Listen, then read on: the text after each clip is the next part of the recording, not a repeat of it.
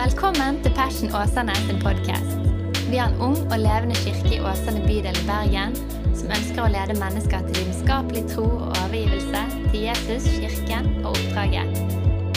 Takk for at du lytter til vår podkast, og vi håper du blir oppmuntret og utfordret i din etterfølgelse av Jesus.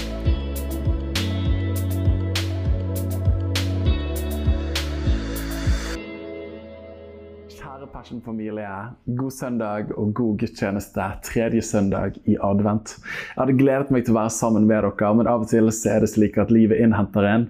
Og eh, man har ikke helt den formen man kunne ønske man hadde. Og jeg ble innhentet av feber og vondt i halsen, og ble faktisk skikkelig slått ut på lørdag, altså i dag. Eh, og har holdt sengen, men hørte at julefesten var en stor suksess. Stinn brakke. Det er jo så gøy når vi er nødt til å ha eh, begrensninger på hvor mange som kan få lov til å komme, for det er så mange som har lyst til å være der. Fantastisk innsats av Helene og Charlotte, Helene og alle som var med å bidra.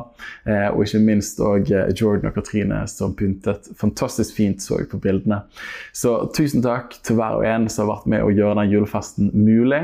Og ikke minst det at mennesker som kanskje ikke er altfor vant til å være innen inne i et kirkebygg eller få høre fortellingen om Jesus, fikk et drypp av det i går. Gud holder på med noe spennende i Passion-familien, og jeg gleder meg til å se fortsettelsen av det. Du, eh, nok en gang skulle veldig gjerne vært sammen med dere, men vi lever i tider der teknologi gjør det mulig å kunne få lov til å være sammen selv om vi ikke er sammen fysisk. Og jeg håper at det budskapet som jeg deler i dag, kan få lov til å styrke og oppmuntre deg, selv om det ikke er live face to face. Eh, men jeg hadde et budskap som jeg eh, ja, som sagt gledet meg til å dele. Og eh, Utgangspunktet for det er Salme 39, og her er det David, salmisten, som skriver. Og denne teksten, ja, denne bønnen, har blitt noen vers som har vært med meg i flere måneder og blitt en daglig bønn for min egen del. Der ber salmisten i Salme 39 så står det i 39,5 følgende. Så ber David, Herre, lær meg at jeg skal dø. Hvor få og tilmålte mine dager er, så jeg kan innse at mitt liv tar slutt. Se, en håndfull levedager har du gitt meg. Min levetid er som ingenting for deg. Hvert menneske er et pust seler. Som skyggebilder går de omkring. De uroer seg forgjeves. De samler i hauger, men vet ikke hvem som skal ha det. Men nå, Herre, hva skal jeg vente på? Bare til deg står mitt håp. Og valgt å kalle disse ordene jeg skal dele med dere i dag, for momento mori. Husk at du skal dø. Det kan være at det høres litt morbid ut og litt dystert ut, men følg med i løpet av disse øyeblikkene her. Jeg tror at dette er et viktig ord fra Gud til oss som lever i dag. Ikke bare den gang da, men òg hver gang nå, altså vi som lever i dag. Jeg ber en enkel bønn. Far, vi ber for disse øyeblikkene vi deler. Jeg ber om at du åpner ditt ord for oss. Jeg ber om at du gir oss åpenbaring, men så ber jeg òg at du ved Din Hellige Ånd rører ved våre hjerter og forvandler våre liv. I navnet Jesus Kristus. Amen. Amen. Du, død det er i stor grad her i Vesten, i det samfunnet vi er en del av, et tabu. Vi snakker ikke så veldig mye om det. Det er et fremmedord i vår daglige forestilling og vår forventning. Men jeg må si at to måneder på kysten av Kenya gjorde det ganske annerledes for min og vår del. Begravelser var en naturlig del av hverdagen der nede. De kunne vare i flere dager, samlet mye folk, og det var trolig rundt annenhver uke når vi var der, så var det begravelsesfester eller feiringer som strakk seg over flere dager med mye lyd og støy. Mange av ungdommene vi ble kjent med, hadde mistet nære familiemedlemmer. Og eh, som en av de som vi ble godt kjent med, hadde òg opplevd at sin mor hadde blitt myrdet. Med andre ord, døden var ikke noe veldig perifert, men døden var ganske nært på for de fleste i landsbyen og de som vi ble kjent med der nede. Det var ikke noe sykehjem. De gamle de lå halvdøde i samme jordhytte som resten av familien bodde i. Og død var en større del av hverdagen, og ikke minst en mer naturlig del av hverdagen for dem. Og Vi skal ikke langt tilbake i Norge før det var òg sånn her til lands. Generasjoner kom, og generasjoner gikk. Bestemor sovnet inn i stuen den ene dagen, mens den neste dag så ble småsøsken født i samme stuen. Altså liv og død var mye nærmere på menneskers daglige erfaring i landet vårt for ikke altfor mange generasjoner siden. Med en økt hygieneforståelse så ble barnedødeligheten drastisk redusert utover 1800- og 1900-tallet, og det er jo fantastisk, hvor dødeligheten var rundt 250 per 1000 på 1700-tallet, til rundt 100 per 1000 på begynnelsen av 1900-tallet, til at i Norge i 2016 så var barnedødeligheten på 2,1 per 1000, altså blant de laveste i hele verden, noe som er helt fantastisk. Samt den medisinske utvikling har gjort at sykdommer som ellers var livstruende, i dag ikke blir ansett som alvorlige, eller i noen tilfeller så godt som utradert, slik som kolera, som var en stor trussel tidligere. Og noen, noe som har hevet forventet levealder i Norge, og dette har jo hevet den forventet eh, levealderen i Norge, hvor han nå er rundt 80,92 år for menn og 84,35 år for kvinner. Mens den rundt 1900-tallet bare var 52 år for kvinner og noe lavere for menn. Men òg med framveksten av den moderne velferdsstaten så har tidligere omsorgstjenester, som å stelle de syke og gamle, blitt overført til moder stat. Og på den måten blir død og sykdom enda mer fjernt fra våre hverdager, siden du tross alt må dra på sykehuset og besøke bestemor. Og I takt med den vitenskapelige utviklingen har illusjonen om at mennesker styrer både natur, kropp og egen skjebne, økt. Sekulariseringen har tiltatt. Håpet om himmel er ikke lenger trøsten midt i tragedien. Og Vi sitter da igjen med en sånn yolo, you only live once. Du har ett liv, og du må gjøre det meste ut ifra det. Og fra at i tidligere generasjoner så var de grå hår en ære, så har idealet i det samfunnet vi er en del av, blitt den evige ungdomstiden. Gamle kler seg ungt, og vi alle har jo opplevelser der vi syns det er ganske cringe når vi ser noen eldre mennesker som prøver å kle seg som de er i 20- og 30-årene. Og eh, ja, gamle kler seg ungt, lepper fylles, hår farges, og våre eksperter er hormonelle tiktokere. Altså De unge menneskene er forbildene i den generasjonen vi er en del av. Og i frykt for den ukjente døden sjanter hele samfunnet med i drømmen om Forever young, I wanna be forever young. Men sorry, min venn. Livet er faktisk dødsfarlig. Det er ingen som har overlevd det ennå. Så spørsmålet jeg har lyst til å stille i dag, er Tenker du på at du skal dø? Ja, som vi alle vet, men ikke liker å tenke på. Livet er skjørt, og våre dager er talte. Det latinske begrepet 'memento mori' er først og fremst forbundet med den kristne tradisjonen. Ikke minst munkene som begynte å formulere dette og gjøre det som en praksis. Og det med god grunn, som vi skal komme tilbake på. Men øvelsen med det å tenke på den uunngåelige død finner vi òg blant artikkens filosofer som Demokritus og Plato. Men særlig var stoikerne kjent for å meditere på livets utgang. Videre ser vi denne praksisen blant romerne. Særlig interessant er det at når en general eller en keiser kom tilbake og ble hedret for en stor triumf, og folkemengden hyllet han, så sier tradisjonen at en slave skulle stå bak han og hviske hele tiden 'recipe post te, hominem te esso memento momento mori'. Det var mitt forsøk på latin, og håper det var ok hvis noen kan latin. Beklager. Men det betydde helt enkelt Pass på deg sjøl.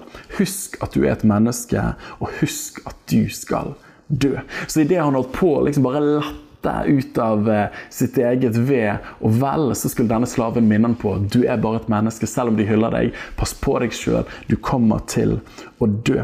Og Kristendommen med sin lære om frelse, fortapelse, dom og evighet var med å bringe bevisstheten om at verdslige nytelser, luksus og bragder er bare midlertidig. Og i det store bildet faktisk bare tomhet. Og enda mer at mennesket er skapt for å leve med evigheten for øye. Denne forståelsen er bakgrunn for at store deler av Den kristne kirke har feiret askeonsdag i over 1000 år, som er den første dagen i fastetiden, 40 dager før påskedag oppstandelsen. Askeonsdag har vært en dag for å minnes menneskets dødelighet og kalle det til omvendelse. Derav askekors i panen, men for å peke på omvendelse. Omvende seg i sekk og aske, men òg dødelighet. Mennesket er bare støv. Derav aske. I det presten tegner korset, vil han gjerne si 'Kom i hu, menneske', at du er støv og skal vende tilbake til støv. Omvend deg og tro på evangeliet. Videre ser vi at denne forståelsen av livets skjørbarhet og våre talte dager preget kunsten i middelalderen, med inngraveringer av hodeskaller og timeglass som et vanlig motiv å finne på flere gjengivelser av store tenkere i middelalderen og i oldkirken, der de gjerne sitter ved et skrivebord, og så er det timeglass ved siden av de, eller hodeskalle. Ikke for å vekke frykt, men for å minne og for å kommunisere til de som så det, at våre dager er talte. Offentlige klokker som ble laget i middelalderen, ville gjerne bære motto som 'kanskje den siste time'. Alle slagene skader, men det siste dreper. Og som vi kjenner fra vårt språk i dag tiden flyr. Så alle disse tingene her, Det var ikke pga. at folk i oldkirken og middelalderen var morbide og hadde en fascinasjon av død. Nei, nei, nei. Det var tvert imot at de ønsket at de levende skulle minnes at de en dag òg ville dø. For dette her ville gjøre noe med måten de levde på i dag. Og Kanskje du innvender men Daniel, dette her er jo veldig dystert. Jeg vil høre om noe mer oppmuntrende når jeg kommer til gudstjeneste. Og jeg har lyst til å si, jeg preker ikke som sagt dette her som noe trist. Tvert imot så preker jeg det med det største håp, men òg med et stort alvor. For momentum mori, husk at du skal dø, er som en dyp bibelsk tanke som vi møter i hele Skriften. Du skal ikke lese lenge i bibelboken før du kommer ansikt til ansikt, ikke bare med livet, men òg med døden. Vi møter det både i Gamle og Det nye testamentet. Ja, bare hør som vi leste i vår tekst i dag. Herre, lær meg at jeg skal dø hvor få tilmålte mine dager er, så jeg kan innse at mitt liv tar slutt. Videre står det i Salme 103, som igjen blir sitert av Peter i Det nye testamentet. For han vet hvordan vi er formet, han minnes at vi er støv. Menneskets dager er som gresset, som blomsten på marken, slik blomstrer han. For vinden stryker over den, og så er den ikke med, Og stedet der den sto, vet ikke lenger av den. Ja, Salme 90 vers 10 etter mine favorittvers i salmene. Våre livsdager er 70 år, og ved større kraft 80 år. Likevel er deres stolthet bare strev og sorg, for alt er snart slutt, og vi flyr bort. Må beklage, det er ikke et av mine favorittvers, det kommer senere. Men dette sier òg noe om livets forgjengelighet, at menneskets dager det er ofte rundt 70 år, og ved større kraft 80 år. Og med legevitenskapen som vi har i dag, så av og til nærmer vi oss 90. Salme 139 som et velkjent vers. Eh, og eh, salme for mange. Som foster så dine øyne meg. I din bok var de alle skrevet ned. De dager som var fastlagt for meg. Med andre ord, det er noen dager som er fastlagt før en eneste av dem var kommet. Og Jesus forteller òg lignelsen om den rike bonden som har så stor avling at han river ned låven sin og bygger den større og prøver å samle jordisk gods og sier til seg sjøl sjel, du har mye godt lagret for mange år. Slå deg til ro, spis, drikk og vær glad. Men glemmer at han skal dø. Og som teksten sier, men Gud sa til ham, du dåre, i denne natt blir din sjel krevd av deg. Hvem skal da ha alt det som du har skaffet deg? Slik er det med den som legger seg opp skatter for seg selv, som bare er opptatt av det jordiske, det midlertidige livet som er her og nå, men som ikke er rik i Gud. Så du og meg, vi trenger å omfavne denne sannheten her, nemlig det at livet er skjørt. Våre dager er talte. Og du, min venn, kommer til å dø. Timeglasset tømmes, og klokken tikker. Dette er ikke for å vekke frykt, men dette er bare realiteten ved å være menneske på denne jordens overflate. Og Mange av oss har erfart at slektninger som vi var glad i, venner som vi hadde, blir revet bort. Noen revet bort naturlig mett av dager og gamle, men dessverre så har mange av oss, og flere i menigheten, opplevd at nære familiemedlemmer blir revet bort av døden og livets forgjengelighet altfor tidlig. Og dette lærer oss det, at dette livet her der du og meg vandrer med en fysisk kropp sånn som dette her, på denne overflaten, det kan få en brå og urettferdig ende når som helst. Derfor lærer de første kristne, og ikke minst Guds ord som vi har lest her, at vi må minne oss sjøl på at våre dager er talte, og livet er skjørt. Men nettopp det, siden våre livet, siden livet er skjørt, og våre dager er talte, så trenger vi å leve med perspektiv. Vi trenger å leve med perspektiv. Og den andre del av salmen, som er dagens tekst, sier det sånn som dette. Se, en håndfull levedager har du gitt meg. Min levetid er som ingenting for deg. Hvert menneske er et pust sel. Som skyggebilder går de omkring. De uroer seg forgjeves. Ja, det trenger vi å ta til oss. De samler i hauger, men vet ikke hvem som skal ha det når det går bort. Oi, oi, oi. Dette her setter ting i perspektiv. og Leser du og er litt bevandret i Det gamle testamentet, så sammenlignes menneskets liv sånn som vi leste i Salme 103, at vi er bare støv. At vi er bare som gress. Det står den ene dagen og borte den neste dagen. Livet er forgjengelig, og livet går fort. Og Jeg har satt meg ned og snakket med eldre mennesker i løpet av mitt liv og spurt hvordan erfarer du å ha levd så mange dager. Så sier de som regel til meg livet, det gikk fort. Livet gikk fort. Man tenkte at man hadde så lang tid når man var ung, at det var så mange tiår fremfor seg. Men min venn, før du visste ordet av det, så var du i din alderdom. Livet er forgjengelig, livet går fort. Med andre ord, derfor trenger vi å leve med perspektiv. Og det perspektivet som Bibelen prøver å lære oss, kan formuleres helt enkelt sånn som dette her. At livet er midlertidig. Altså dette livet på jordens overflate som en fysisk kropp her. Dette livet er midlertidig. Pluss det som kommer, det livet, det er evig. Derfor prioriter deretter. Og jeg har formulert det sånn som dette her at en bibelsk tidsforståelse er avgjørende for et liv med bibelske prioriteringer. At hvis du har feil grep og forståelse av livets forgjengelighet, hvis ikke du innser at dine dager er talte, at du akkurat nå har mindre levetid igjen enn det du hadde i begynnelsen av denne prekenen, hvis ikke du forstår den bibelske oppfattelsen av tid, så vil òg dine prioriteringer i dag være dårligere, fordi at du ikke tar hel, helhetsbildet inn i vurdering. Så en bibelsk tidsforståelse er avgjørende for et liv med bibelske prioriteringer, som ofte blir formulert enklere å leve med evigheten for øye, er det du og meg som etterfølgere av Jesus Kristus har blitt kalt til. Og Dette perspektivet er hva salmisten ber Gud om når han sier, og her kommer et av mine favorittvers i salmene, der salmisten ber Lær oss derfor, siden vårt liv er forgjengelig og, er talt Våre dager er talte. Lær oss derfor å telle våre dager, så vi kan få et vist hjerte. Salme 90, vers 12. Videre sier Paulus i Efeserne, det fjerde kapittelet, og sier til de første kristne og sier til oss i dag Se da til at dere vandrer varsomt med tanke på at livet er forgjengelig. I vandr varsomt, ikke som uvise, men som vise, så dere kjøper den beleilige tid.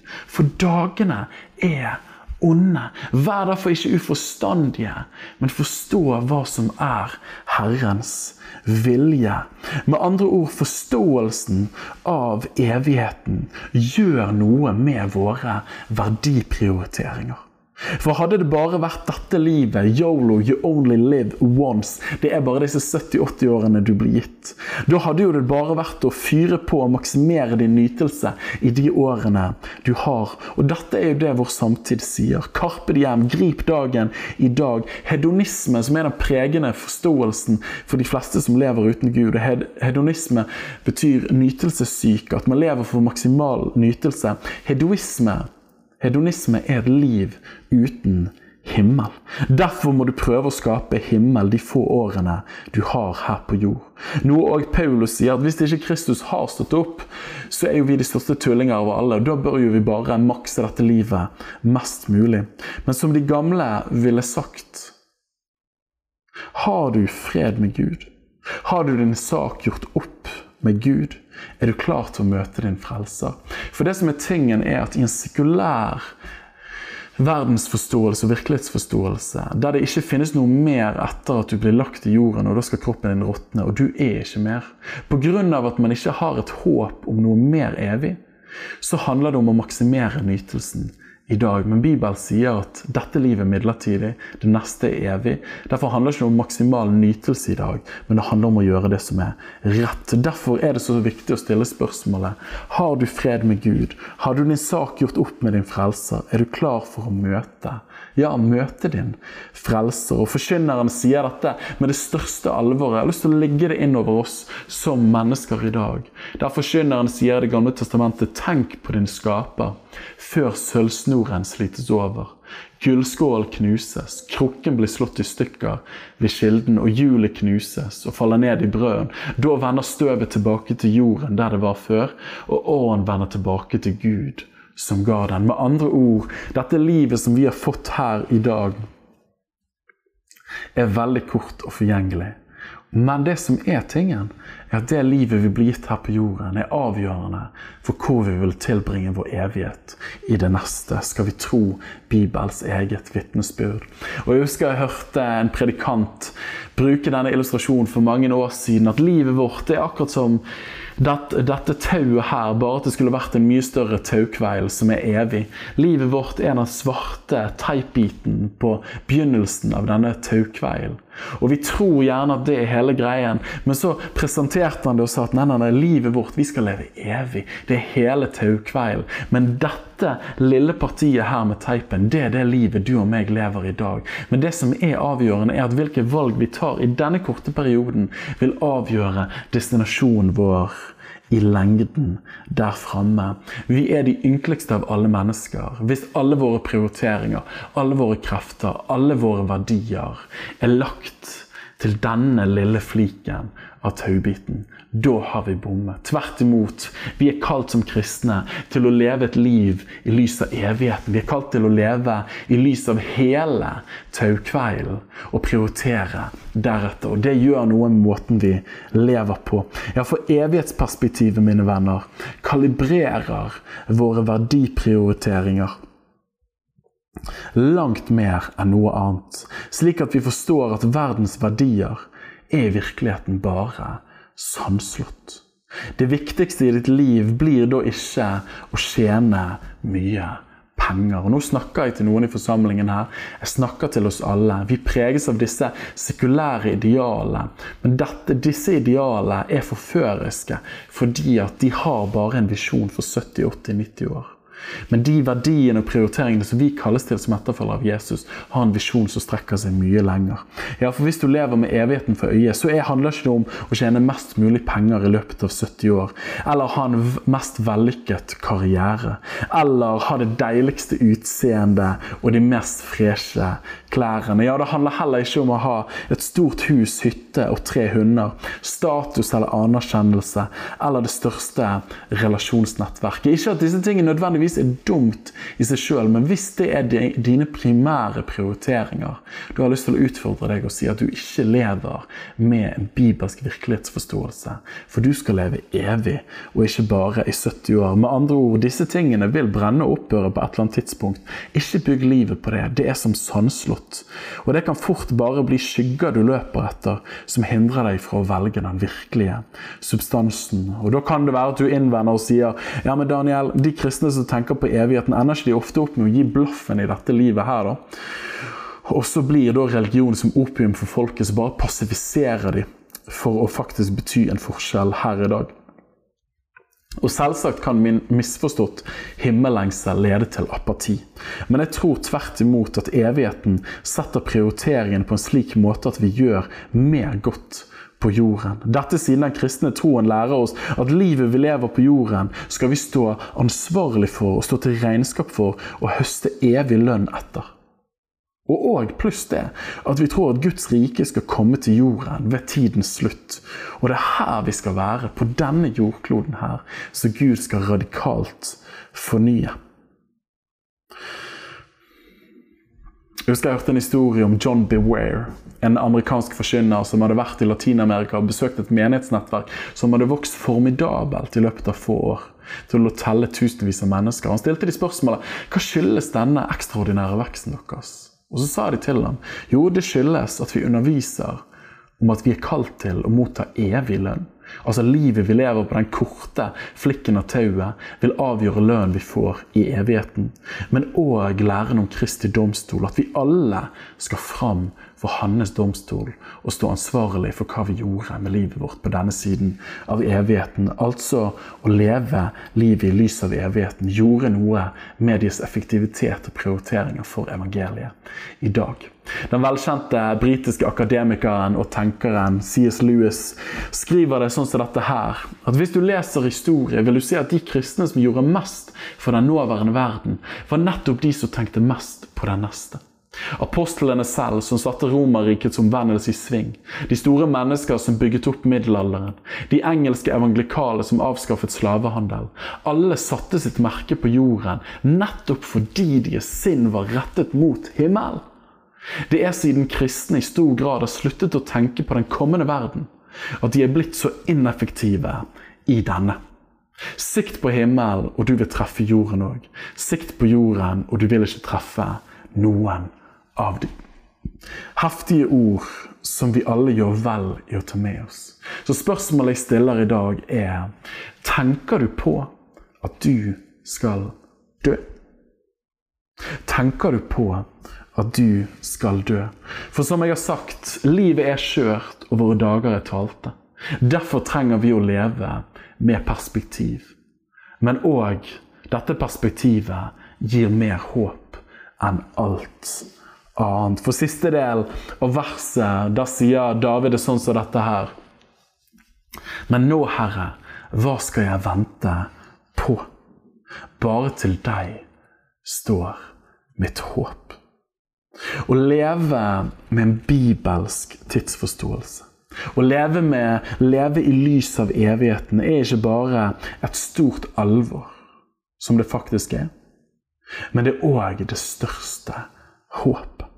For verdens verdier vil forgå, mens det evige vil bestå. Det kristne håpet revolusjonerer vårt perspektiv og hvordan vi lever. Hør på det her, mine venner. Ja, faktisk Evigheten er det som gir mer håp enn noe annet. Og De gamle snakket om himmelhåpet, som hjalp dem til å bære gjennom de ulike trengsler og slit de hadde som mennesker på denne siden av evigheten. Men ble du traumatisert som barn? Ja, håpet som salmisten sier, hva skal jeg nå vente på? Mitt håp står til deg.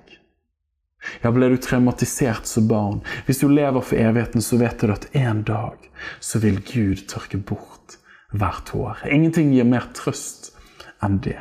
Sliter du økonomisk i dag, så kan du vite at en dag så skal du danse på gater av gull. Ja, Opplever du at ekteskapet er krevende på denne siden av evigheten, så kan du vite at en dag skal alt skrik, klage, konflikt og krangel opphøre. Ja, Er du plaget av sykdom, kronisk lidelse eller hva det måtte være, vit at en dag så skal du løpe som hjorten. Ja, er du undertrykket og forfulgt, en dag så vil Gud dømme med rettferdighet og la all urett opphøre, og rettferdighet vil flyte inn som en flod, som Guds ord sier. Ja, og livets omstendigheter, har de vært vonde og vanskelige, så vit at Gud en dag sier 'Jeg vil gjøre alle ting nye'. Så i lys av det at livet er kort, det er skjørt, våre dager er talte, derfor må vi leve med perspektiv, ja, med evigheten for øye. Og nettopp dette gir mer håp enn noe annet. Så jeg har lyst til å gi to utfordringer til oss i dag. Det første jeg har lyst til å si til deg, er på grunn av at ditt liv er så skjørt at forhåpentligvis kommer vi alle til å leve til vi er 90-100 år. Men statistisk sett så vil sykdom rive en del av oss bort lenge før vi hadde ønsket å dra. Eller ulykker vil inntreffe. Livet er skjørt. Det er som denne lille teipbiten på dette lange tauet. Men den lille eh, teipbiten og de valgene du tar der, avgjør hvor man tilbringer evigheten. Så det jeg har lyst til å si til deg, er ha din sak i orden med Gud. Hvis ikke du kjenner Jesus Kristus, hvis ikke du har sagt 'Jesus, kan du ta mine synder', kan jeg få et nytt liv i troen på deg. Hvis ikke du har bedt den bønnen, sluppet Jesus inn i ditt hjerte, latt deg døpe, blitt en del av den kristne forsamlingen, og latt Jesus bli din herre og frelser, så jeg har lyst til å si til deg jeg skjønner ikke helt at du tør å vente lenger. Livet er forgjengelig. Livet er et risikoprosjekt. Det er dødsfarlig, som jeg sa. Ingen har overlevd ennå. Ikke utsett det. Jeg kjenner nok mennesker som har sagt jeg utsetter det til å bli gammel, så jeg kan leve sånn som jeg vil fram til da. Min venn, du går glipp av det beste livet Gud har for deg. Han er ikke ute etter å undertrykke deg og presse deg ned. Nei, det livet han har for deg, er et liv og et liv i overflod. Det andre jeg har lyst til å si for deg som allerede tror på Jesus, eller du som valgte å ta en beslutning om å følge han i ditt hjerte akkurat nå, det er lev med himmel som din horisont. Lev med himmel som din horisont. En bibelsk tidsforståelse gir bibelske prioriteringer. Det som er nå, vil forgå, mens det evige vil bestå. Hvis vi som kristne lever og prioriterer akkurat som våre naboer som ikke tror, så avslører vi at evigheten ikke er på vår horisont. Og vi er like sekulære i våre verdier og prioriteringer som de som ikke tror på en evighet. Hvilke tragedie. Og jeg husker når jeg studerte teologi, så hadde vi i oppgave å skrive en livsvisjon. Og Da fikk vi noen tips som jeg har lyst til å gi videre til deg. Det første hjelpen vi fikk når vi skulle skrive en visjon for hele vårt liv Jeg var 21 år gammel, og du skulle liksom beskrive drømmen for de neste 60-70 årene. Ganske ambisiøst. Men da fikk vi dette perspektivet. Start with the end in mind. Altså spor livet tenkt fram til der det stopper og se tilbake. Hvordan vil du at det skal være? Ja, hvordan vil du at det skal avsluttes for deg? Og Det har jeg lyst til å si til deg, og det er egentlig det samme jeg har sagt hele tiden. Start med enden i tankene, og enden er evigheten sammen med Gud. Lev for evigheten. En annen hjelp som jeg benyttet meg av når jeg formulerte min livsvisjon, var at jeg var flue på veggen i min egen begravelse. Hva vil jeg at min kone Helene skal si den dagen jeg går bort? Hva vil jeg at mine mange barn skal fortelle om sin pappa?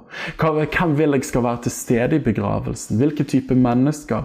Ja, hva skal mine venner si om meg? Hva skal mine kolleger si om meg? Ja, hva skal mine naboer si om meg? Jo, her kan jo du fylle inn for, for, din egen del. Men jeg tror de fleste av oss intuitivt bare kjenner Oi, jeg vet hva jeg har lyst til å være kjent for. Jeg vet hva jeg kunne ønske jeg utrettet i løpet av livet mitt. Og Dette er ikke en selvrealiseringsprosjekt. Nei, nei, nei. Dette handler om å leve Guds ærende med de få årene vi har på denne siden av evigheten. Og som noen sa for en tid tilbake, og jeg syns det var bemerkelsesverdig, at i himmelen vil ikke være tårer. I himmelen vil ikke være noe smerte. Det betyr at, at gjør du det rette i dag, og det koster deg, så er det et offer og en tilbedelse til Gud så du aldri har mulighet til å gi til Han i evigheten. Jeg har lyst til å oppmuntre deg med det. At livet på denne siden av evigheten, det som er ment å være parameteret på om det er bra, er ikke hvor mye behagelighet og nytelse og komfort du erfarer. Nei, nei, nei. Det skal du ha en evighet av sammen med Gud. Det som måler suksessen på denne siden av evigheten, er som Paulus sier, kjøp den. Kjøp den beleilige tid, for dagene er onde. Sånn at dere, og vær vise og ikke uvise, så dere kan kjenne hva som er Herrens vilje. Det som er suksessfaktoren på denne siden av evigheten, er å leve i tråd med Guds vilje. En annen hjelp som kan hjelpe i utformingen av en livsvisjon, eller å skrive ned hva jeg ønsker for livet mitt, det er å skrive sin egen nekrolog. Skrive sitt eget minneord. Hva vil jeg skal stå igjen etter mitt liv. Ja, se for deg at du står foran Kristi domstol, det fjerde hjelpemiddelet. Hva vil du si til din frelser, og hva vil du at din frelser skal si til deg? Memento mori, husk at du skal dø. Det gir oss et alvor i dag, men òg det største håp for morgendagen. Og Vi som tror på Jesus, så sier vår mester dette her. Og jeg har lyst til å la dette være det avsluttende ordet og en oppmuntring til deg og til oss alle. Jesus sier 'Jeg er oppstandelsen og livet'. Den som tror på meg, skal leve selv om han dør. Halleluja.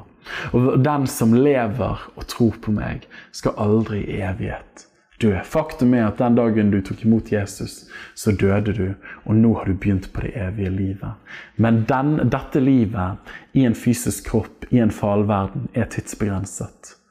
Våre dager er talte, livet er skjørt. La oss derfor leve med perspektiv.